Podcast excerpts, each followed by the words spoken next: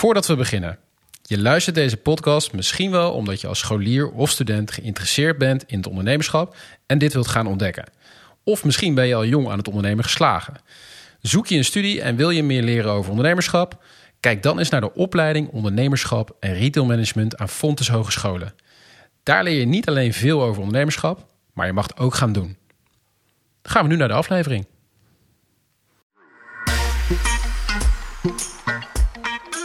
Tof dat je luistert naar de Job, oftewel de Jonge Ondernemers Podcast.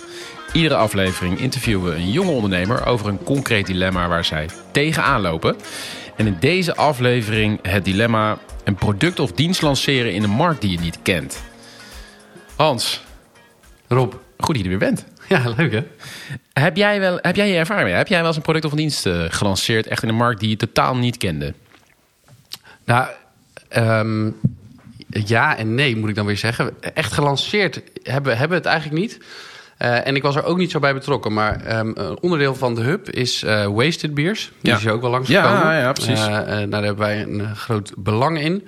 Dus ze zijn wel heel actief bij betrokken. Alleen ik moet eerlijk ook bekennen dat mijn compagnon dat vooral doet. Ja. Maar dat is wel een markt die ver van ons af ligt. En Ja. dat merken we ook. Precies, dat dat moeilijker is. Ja, hartstikke moeilijk. Ja. Ja. Ander spel, andere toegang, andere mensen, andere regels. Ja, en je bent geneigd om te gaan werken op de manier die je kent. En met de eh, manier van markt benaderen. Terwijl ja, dat gewoon eh, meer onderzoek vergt. Kwamen wij ook achter. We dachten, nou, dat doen we even. Precies. Alleen, eh, nou, wat vooral daarin voorkomt... en het straks ook wel, komt straks nog wel langs, denk ik... is marketing. Ja, Is everything. Ja, ja denk ik ook. En nou, goed, ik heb er zelf ook een beetje ervaring mee. Roel Gietmans van Play for Focus ook. En we gaan luisteren naar zijn verhaal. Welkom Roel. Ja, dankjewel dat ik hier mag zijn. Heel leuk dat je er bent. Ik zou zeggen, eh, ja, we zijn benieuwd wat, eh, wat je doet. Dus Yes. gooi hem erin. Eh, ik ben met twee medestudenten vanuit mijn studie ben ik een onderneming gestart. Wij willen met de beweegkaarten op de basisschool willen wij beweging promoten. Eh, om op die manier concentratieproblemen en op latere leeftijd burn-outs, overgewicht en hart- en vaatziekten aan te pakken. Kijk, ja, mond vol. Yes. Klinkt eh, eh, ja, gelijk al wel verschillende dingen die mij, mij opvallen, maar in ieder geval relevant, eh, maatschappelijk ook. Ehm, voor dus basisscholen. Jazeker. Even voor het beeld, wat moet ik me bij voorstellen? Je zegt bewegingskaarten. Kun je daar iets meer over vertellen? Nou, we hebben dus een, eh, letterlijk een beweegkaartset van 104 kaarten met A6-formaat. En die zijn opgedeeld in rode kaarten en blauwe kaarten. Die rode kaarten zijn energieke oefeningen. Daar heb je bijvoorbeeld een, een squat op staan of een eh, lunge. En op de blauwe kaart staan de rustgevende oefeningen. Dat zijn de yoga-oefeningen. Dan moet je even balanceren of even tot rust komen. En die kan de docent dus eh, in een handomdraai omzetten om de kinderen te laten bewegen. Ja, en dus ik moet zo voor me zien dat de, eh, de leraar of lerares... Die, die, die kan gewoon die kaart zelf trekken? Of, of doen die kinderen dat? Hoe, hoe gaat dat in zijn werk? Nee, het is wel echt het idee dat de docent het pakt. Ja. Eh, je hebt natuurlijk te maken met basisschoolkinderen en die zijn niet altijd even handig met die kaarten. Dus het kan zijn dat ze dan verkreukelen en de docent die is er wat, eh, wat voorzichtiger mee. Ja, Eh, maar het is ook voorgekomen eh, dat een docent heeft gezegd van joh, eh, hier heb je een kaart, ga even zelf op de gang staan en dan doe die oefening. En zodra je klaar bent, kom je weer lekker terug. ja. Dus ja, het idee is dat de docent het pakt. Maar mocht het zo zijn dat het kind individueel het moet doen, dan kan dat ook. duidelijk. Zoiets verzin je natuurlijk niet zomaar. Dus jullie, jullie zijn begonnen... Want jij doet welke studie zit je? Ik doe ondernemerschap en retailmanagement. Fontes Hogescholen, hè? Yes. Derdejaars, vierdejaars? Derde jaar. Derdejaars. Ehm ben je met een team eh, eh, gestart? Hoe, hoe kom je nou op dit idee? Ja, wij zijn dus in principe zijn wij gestart met vijf ondernemers. Eh, uiteindelijk zijn wij gesplitst en zijn we met z'n drieën overgebleven. Ja. En eh, we zijn begonnen met een, ehm, eh, ja, hoe noem je dat? Gewoon een week om eens te kijken van welke problemen zijn er in de wereld. Hè? Kun je het vervolgens een focus aanbrengen van wat zou je graag op willen lossen en hoe kom je dan tot, de, de- tot de oplossing van het probleem. Dan moet je ook interviews afnemen om te kijken van hey, wil mijn doelgroep dit wel?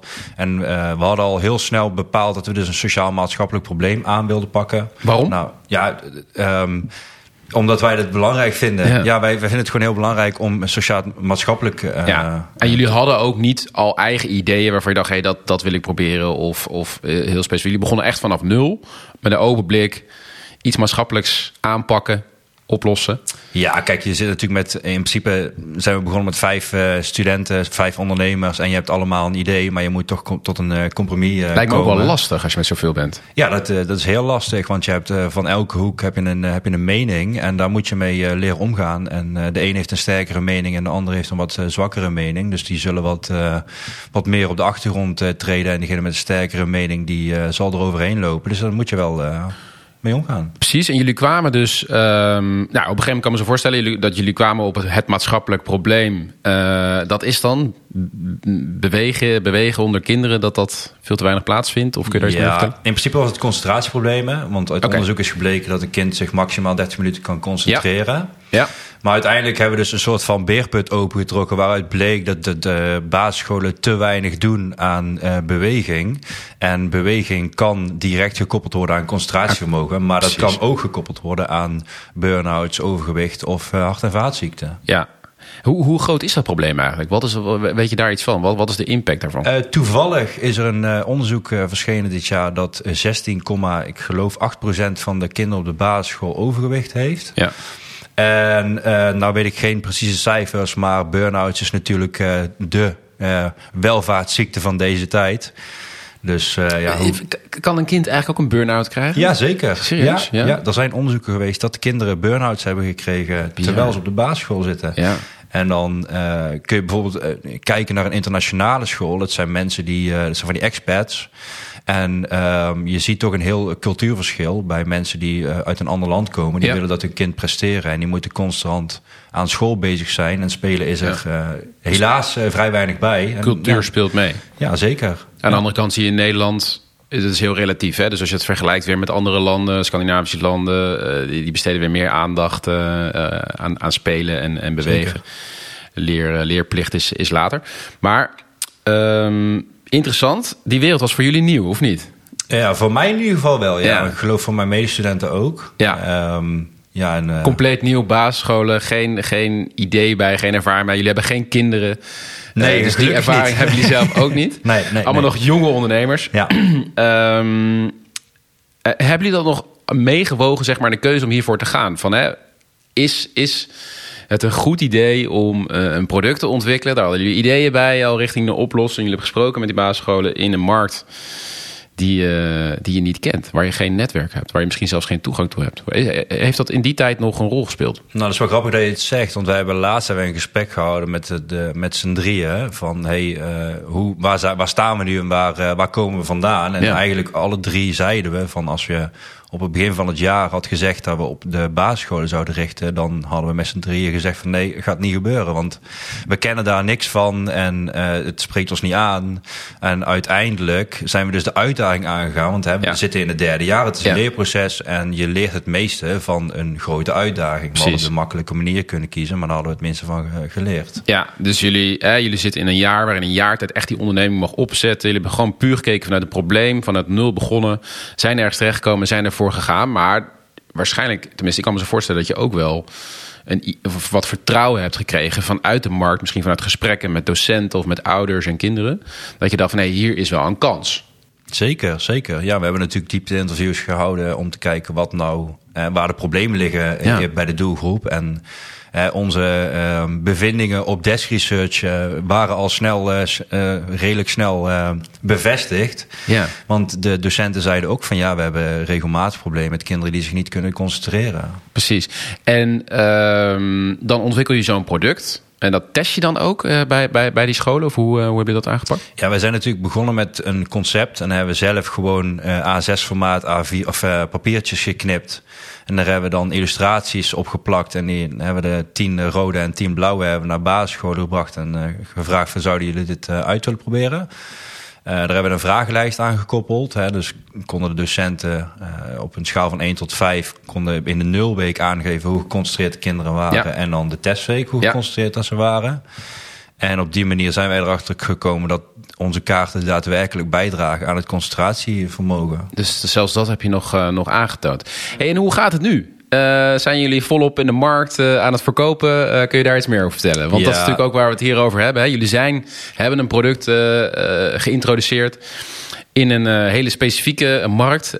onderwijs, basisschool ook nog een keer in publiek domein. Eh, vertel. Nou, vorige week eh, donderdag geloof ik zijn de producten daadwerkelijk binnengekomen. En we hadden als doelstelling dat we in dit jaar 100 eh, stuks eh, zouden verkopen. We hebben ook daadwerkelijk 100 stuks ingekocht. Ja. Uh, maar we merken wel dat als wij basisscholen gaan bellen of we lopen binnen, dat de juiste ingang vinden, dat het gewoon heel moeilijk is. Want een basisschool kan een inkoopmanager hebben waar je langs moet, of een directeur waar je langs moet. He, ga je via de docenten, ga je via de conciërge, ga je via de ouders van de kinderen. Of, Ja. of- ja, dat is allemaal dingen waar je tegenaan loopt. eh.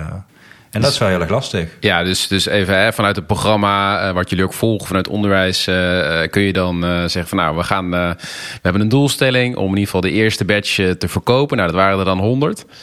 En ehm, liggen ze alle 100 nog eh, op jullie bureau? Of eh, heb je er al een paar wel kunnen verkopen? Nou, er liggen wat eh, mogelijke eh, verkoopkansen. Ja, Eh, we hebben natuurlijk gesprek gehad met basisscholen om eens te kijken van... hey, dit is het product.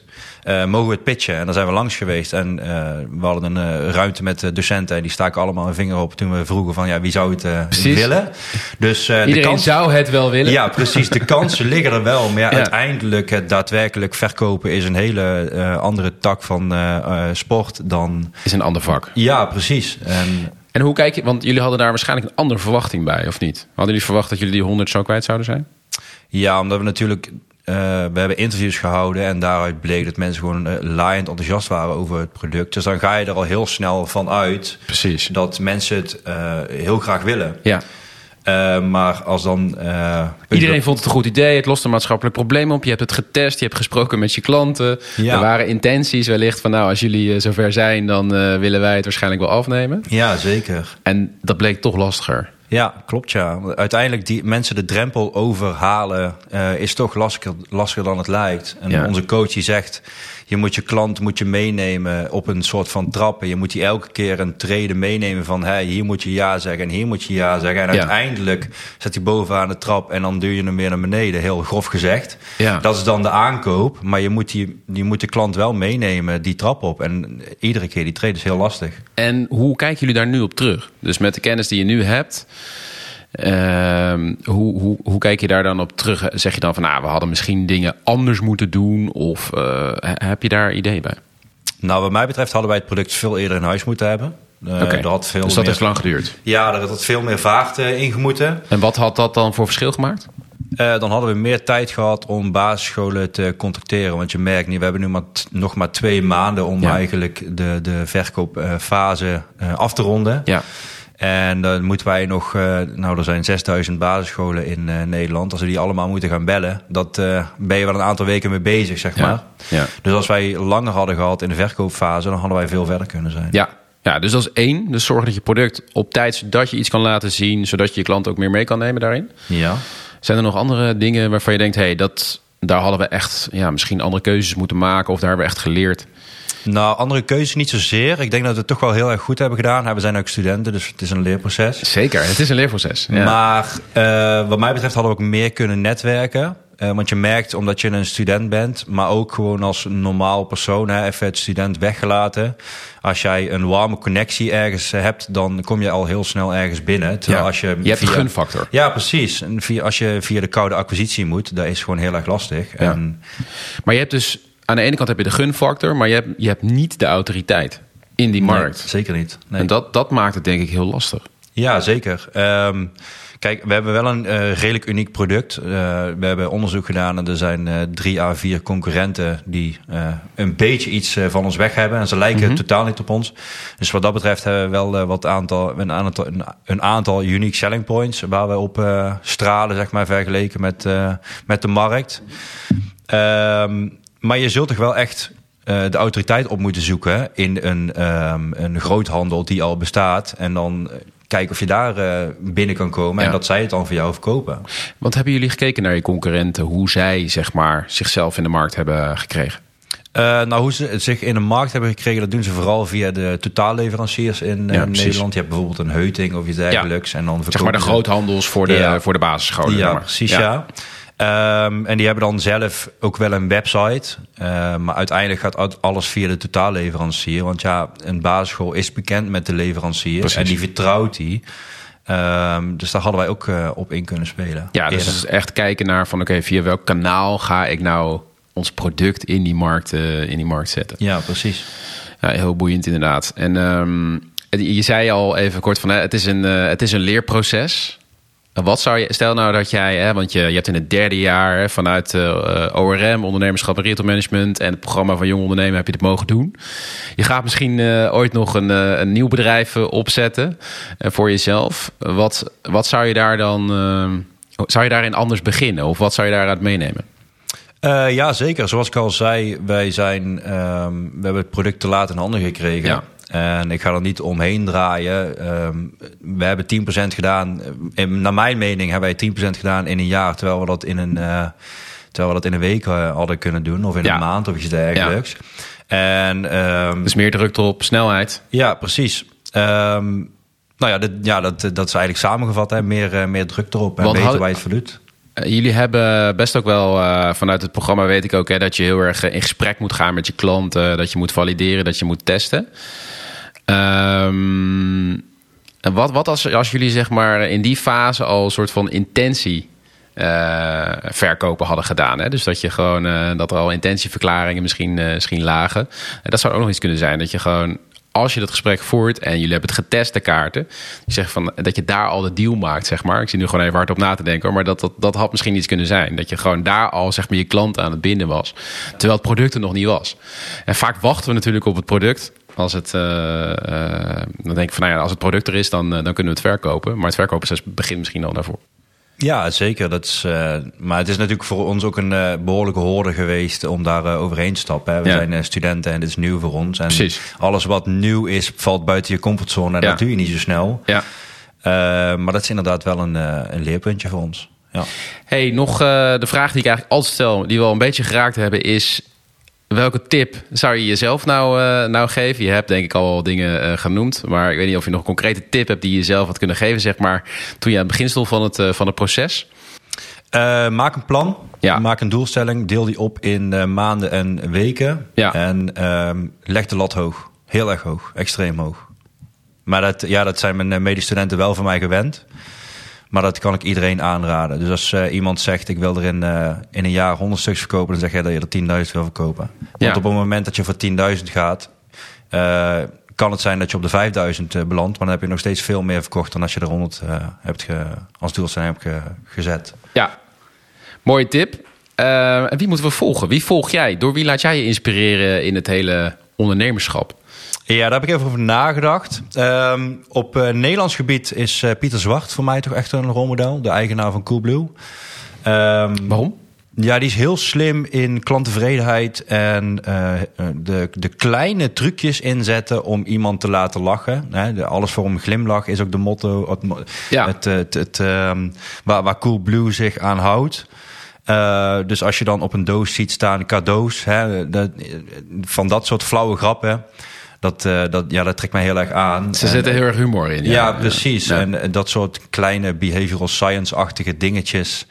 Uh, ik denk dat het heel belangrijk is, zeker tegenwoordig. Omdat, we een, uh, omdat je toch steeds een uh, jongere doelgroep aan wilt spreken. Die, Ja. die, dat zijn de Ja, mensen volgens, mij is die zijn. volgens mij is die nog niet, niet voorbij gekomen. Maar zeker, ja, ik kan me voorstellen dat inspireert. En had je nog een andere? Want je zei nog buitenland. Ja, Elon Musk. Ja, Ja, dat is voor, denk ik voor iedereen. Ja, Uh, die al wel voorbij gekomen trouwens. Ja, dat, uh, Ja. Elon Musk is wel iemand die, uh, als hij een droom heeft, dan uh, gaat hij ervoor. En dan werkt Ja. hij volgens mij 20 uur per dag. En Net Twitter gekocht. Was dat eigenlijk de voorspelling ook? Was dat zijn plan? Dat weet ik eigenlijk niet. Dat hij Twitter zou kopen? Was, was het een, was het een überhaupt? impulsaankoop? Nou, ik Twitter. denk dat er wel een bepaald plan achter zit. Hij heeft natuurlijk gezegd dat ik wel free speech wil ik er uh, Oh ja. zoveel mogelijk openbreken. Ja. Omdat je heel veel uh, censuur hebt op Twitter momenteel. Maar wat, wat vind je nou gaaf aan Elon Musk? Nou, hij denkt echt volledig buiten de lijntjes. Ja. Hij, hij, hij, hij heeft niet eens lijntjes, lijkt het wel. Hè, waar hij SpaceX is begonnen, de 99,9% van de wereld zou dat niet eens aandurven. En hij zegt gewoon, ik ga het gewoon proberen en ik kijk wat er gebeurt. En ik god weet hoeveel raketten dat hij op heeft geblazen... voordat hij überhaupt een daadwerkelijke raketten de ruimte in heeft gestuurd. Dus dat vind ik heel erg mooi. En Ja. hij blijft doorgaan, hè. SpaceX, Tesla, eh, Paypal. Hij heeft, hij heeft geen lijntjes. Dat vind ik wel een Ja. mooi inderdaad. Ik denk dat dat, eh, dat, dat klopt. Dankjewel voor het gesprek, eh, Roel. Jij, jij bedankt. Was leuk. Ja. Thanks. Dat was het gesprek met, uh, met Roel. Hans, wat, uh, wat heb je eruit gehaald? Ja, ik ben eerst nog even benieuwd uh, naar wat jij zei straks. je hebt ook ervaring met iets Inderdaad, de markt brengen. Ja, goeie. Um, ja, voor, voor mij zit hem dat heel erg... en ik herken het daar ook wel heel erg in... Wij hebben Booksy Platform en de spin-off daarvan was een softwarepakket eigenlijk richting de bibliotheken omdat zij dachten van nou, dat is handig, kunnen we uh, dat platform inzetten om onze boeken leuker en slimmer te collectioneren en meer met onze leden te doen, dat meer te combineren. Um, maakt verder niet uit voor het verhaal. Het verhaal was, bibliotheken was voor ons helemaal nieuw, maar wel een enorme kans. En zij dachten mee en we konden testen en ontwikkelen, intenties. Um, we hebben dat eigenlijk allemaal uh, afgevinkt. Maar uiteindelijk toch echt heel lastig om voet aan de grond te krijgen, om, uh, om schaal daar uh, te maken. En om echt een commitment te krijgen. En ja, dat is gewoon als je kijkt naar processen, beslissingsprocessen, budgetten. Als dat zo nieuw is, ja, dan kost het, je, dan kost het ons kost het gewoon echt heel veel tijd. Ja, op een gegeven moment moet je balans opmaken. En dan hebben we ook gewoon gezegd van oké, als dit nu niet lukt, ja, dan gaan we gewoon stoppen. En dat gebeurde. En, uh, dus, dus? Uh, ja, dus dan, uh, dan, dan, dan stop je ermee. Ondanks dat het misschien nog best een kans had, hadden kunnen zijn. Maar ja, publiek, bibliotheek, echt gewoon onbegrijpelijk voor, uh, voor buitenstaanders. Zeker als je een product of dienst aan wil uh, leveren. Dus um, ja, wat mij betreft op dat vlak dus, uh, dus geen goed idee. dat, dat is ook een beetje wat ik hier merkte in het verhaal. Of het, het idee dat ik kreeg. is er wel echt goed onderzoek gedaan, vooronderzoek gedaan. Echt goed naar partijen die al in deze markt werken. Van wat zijn nou de belemmeringen in de markt? Waar loop je tegenaan? Um, dat hij nog niet helemaal duidelijk had of nou de hoofdmeester van een school de inkoop deed... of dat er een inkoopmanager had. Denk ik, ja, dat had je gewoon moeten uitzoeken. Ja. Dat had je eigenlijk wel moeten weten. Dan had je ook tegen mogelijke belemmeringen aangelopen. Ja. Um, uh, en überhaupt drie jonge ondernemers die in de wereld voor kinderen gaan... dat, dat begreep ik al niet, hoe ze daarbij ja, komen. Ja. Um, uh, maar ja, kijk, ik kan me het ook al voorstellen. Want wat er gebeurt... Ik, ik, ik zit natuurlijk ook een beetje in dat soort programma's... is, is dat er wordt echt wel gevalideerd, ook wel bij de klant. En iedereen juicht dit soort jonge teams toe... van hey, goed product, het lost een maatschappelijk probleem op... Jullie hebben goed gekeken naar hoe die oplossing eruit moet zien. Dat weer gevalideerd bij je klanten. Dus in die zin zijn het allemaal uh, checkboxes.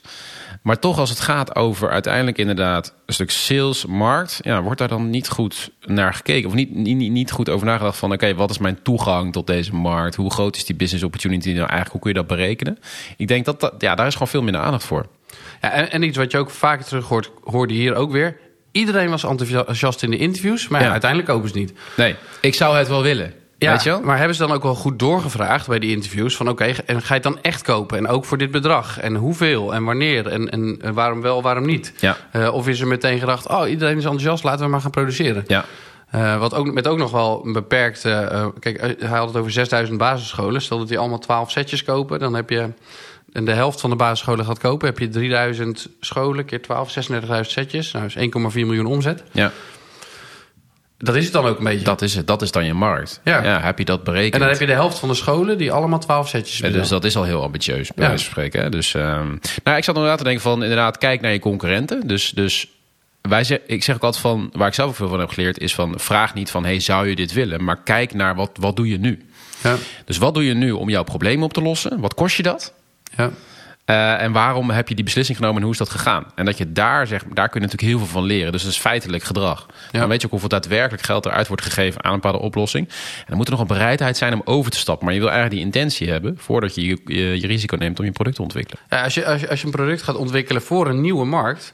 Uh, en je moet het nog gaan produceren, zou ik zeggen, doe gewoon een soort van voorverkoop met korting. Als iedereen echt zo enthousiast is, ja. zeg gewoon, weet je, jullie, jullie zijn de early adapters van Ja. het pro- product.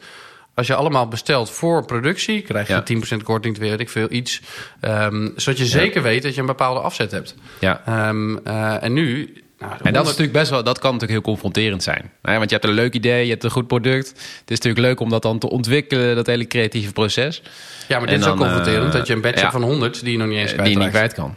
Ja. Ja, dat is niet heel veel. Nee, en zo lastig. Ja, nee, klopt. En kijk natuurlijk goed naar, nou, dat zijn natuurlijk ook wel een goede van, en dat zijn natuurlijk echt dingen die je van tevoren uh, moet checken van, oké, wat wordt het verkoopkanaal? En dat gaat natuurlijk via die groothandels.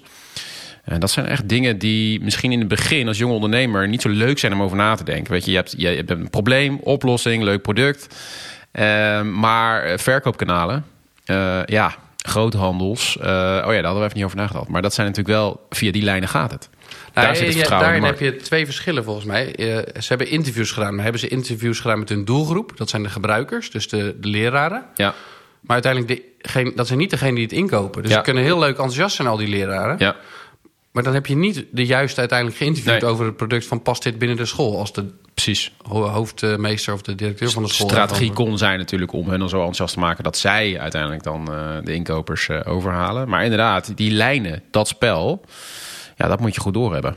Ja, dus ik denk dat er, ehm, eh, en daar nou, zat ik te denken, jij weet dat beter, maar ik dacht wel van daar had de opleiding eh, ook wel meer begeleiding kunnen geven. En ik snap dat de opleiding niet over alles een expert kan zijn, maar je kan wel zeggen, jongens, in een nieuwe markt waar je geen kennis van hebt, moet je echt grondiger vooronderzoek doen. En Ja. moet je niet te snel denken, oké, het is leuk eh, ontvangen, we gaan Ja. aan, de, aan de slag. Want het, is voor de- het kan ook best wel demotiverend zijn voor ondernemende studenten, Ja. die nu dus tegen iets aanlopen. Dat ze denken, ja, Ja. we kunnen het eigenlijk helemaal niet. Terwijl ze misschien beter begeleid hadden kunnen worden. Maar Hey, bedankt voor de tip, Hans. Ik zie mijzelf, ik, zie mijzelf hè, ik, ik faciliteer die programma's natuurlijk ook. En inderdaad, er zijn- twee dingen. Eén, eh, studenten zijn gewoon heel enthousiast in het begin. En als je gaat, gaat hebben over van... hé, maar onderzoek ook die markt. En, en wat is uiteindelijk de markt die je kan gaan bedienen. En dat soort rekensommen, dat reiken we ook allemaal aan. Maar je ziet inderdaad dat ze dat toch in het begin... wat minder enthousiasme hebben om dat te doen. En daar kunnen we misschien best wel wat meer op pushen. Ook... Maar ook juist om dit soort verhalen te delen. Dus ik vond het juist goed dat Roel ook een verhaal deed van... jongens, Zeker. het gaat gewoon niet Ja. zoals we het verwacht hadden. En dat is ook het leerproces. En nou ja, dan moet ik het ook weer opnemen voor, een beetje opnemen voor het onderwijs. Het is natuurlijk ook een leerproces. Dus wij zitten hier met jonge ondernemers... die willen allemaal succesvol zijn en, en goede stappen maken. Maar uiteindelijk ja, zitten ze natuurlijk ook in de opleiding... en is voor de opleider het onderwijs eh, weer belangrijk. En leren ze natuurlijk heel veel. Ook juist door dit soort eh, ja, misberekeningen of misinschattingen. nou, dit is, het is, ik- dus ja, eh, fouten maken mag, hè? Zeker, zeker. En ik, ik mag dit zelf zeggen, vind ik. Want ik ben zelf ook een hobby'er. Maar op de HBO heb je ook wel minder... eh, dat, dat je ehm, eh, leert hoe je goed onderzoek moet doen. Ja. Dus eh, in zulke soort vakken, weet ik ook nog van mijn eigen scriptie... Ja, daar heb je eigenlijk weinig begeleiding of, of Het is een voor kaas beetje... van. Dus daar, ja, kan best wel een betere is- focus op Het is wel heel eenvoudig inderdaad. Maar inderdaad, wat jij ook zegt... echt al die doelgroepen spreken, ja, dat zijn er nogal wat. Hè, van de kinderen tot de partners, tot de groothandels... tot de klanten zelf, tot de inkopers. Ehm, en dan moet, je wel, eh dan moet je wel voor gaan aan in het begin, ja. Ja, Ja, en dus ook beseffen, het is niet voor niks dat niet iedereen die markt penetreert, zoals dat heet. Omdat eh, eh, ja, ja, het kan zo gewoon te moeilijk zijn. Ja. Omdat je te veel stekels hebt met te veel structuren die al jaren zo gaan. Moet je wel heel veel doorzettingsvermogen en uithoudingsvermogen hebben Klopt. om dat zeg maar vol te houden. Nou, wat we ook altijd zeggen is, en misschien mooi om, om mee af te sluiten... is ehm, kijk naar toegang. Ja. Hè, dus heb je toegang tot een bepaalde markt? Kijk, maak een berekening van hoe groot die markt ongeveer is... en welk stukje je daarvan kan pakken. En denk niet dat als je een miljoen kan pakken qua omzet... dat je daarmee al heel makkelijk een bedrijf kan bouwen. Want dat is, Ja. zie dat maar eens eh, eh, te pakken dan. Ehm, eh, en ook de, de grootte van de markt. Hè. Dus de kans, maar ook de grootte van de markt. En zijn toch belangrijke aspecten om een beslissing te nemen... van gaan we voor dit klantsegment of, of niet. Zeker. Thanks Hans. Ja, bedankt. En jij bedankt voor het luisteren naar deze aflevering. Mocht je nou meer van de Jong Ondernemers Podcast willen horen, abonneer dan op deze podcast. Heb je een tip voor een gast die wij hier kunnen spreken, een jonge ondernemer? Stuur dit dan naar robin.blinkers met een q.com. Tot de volgende!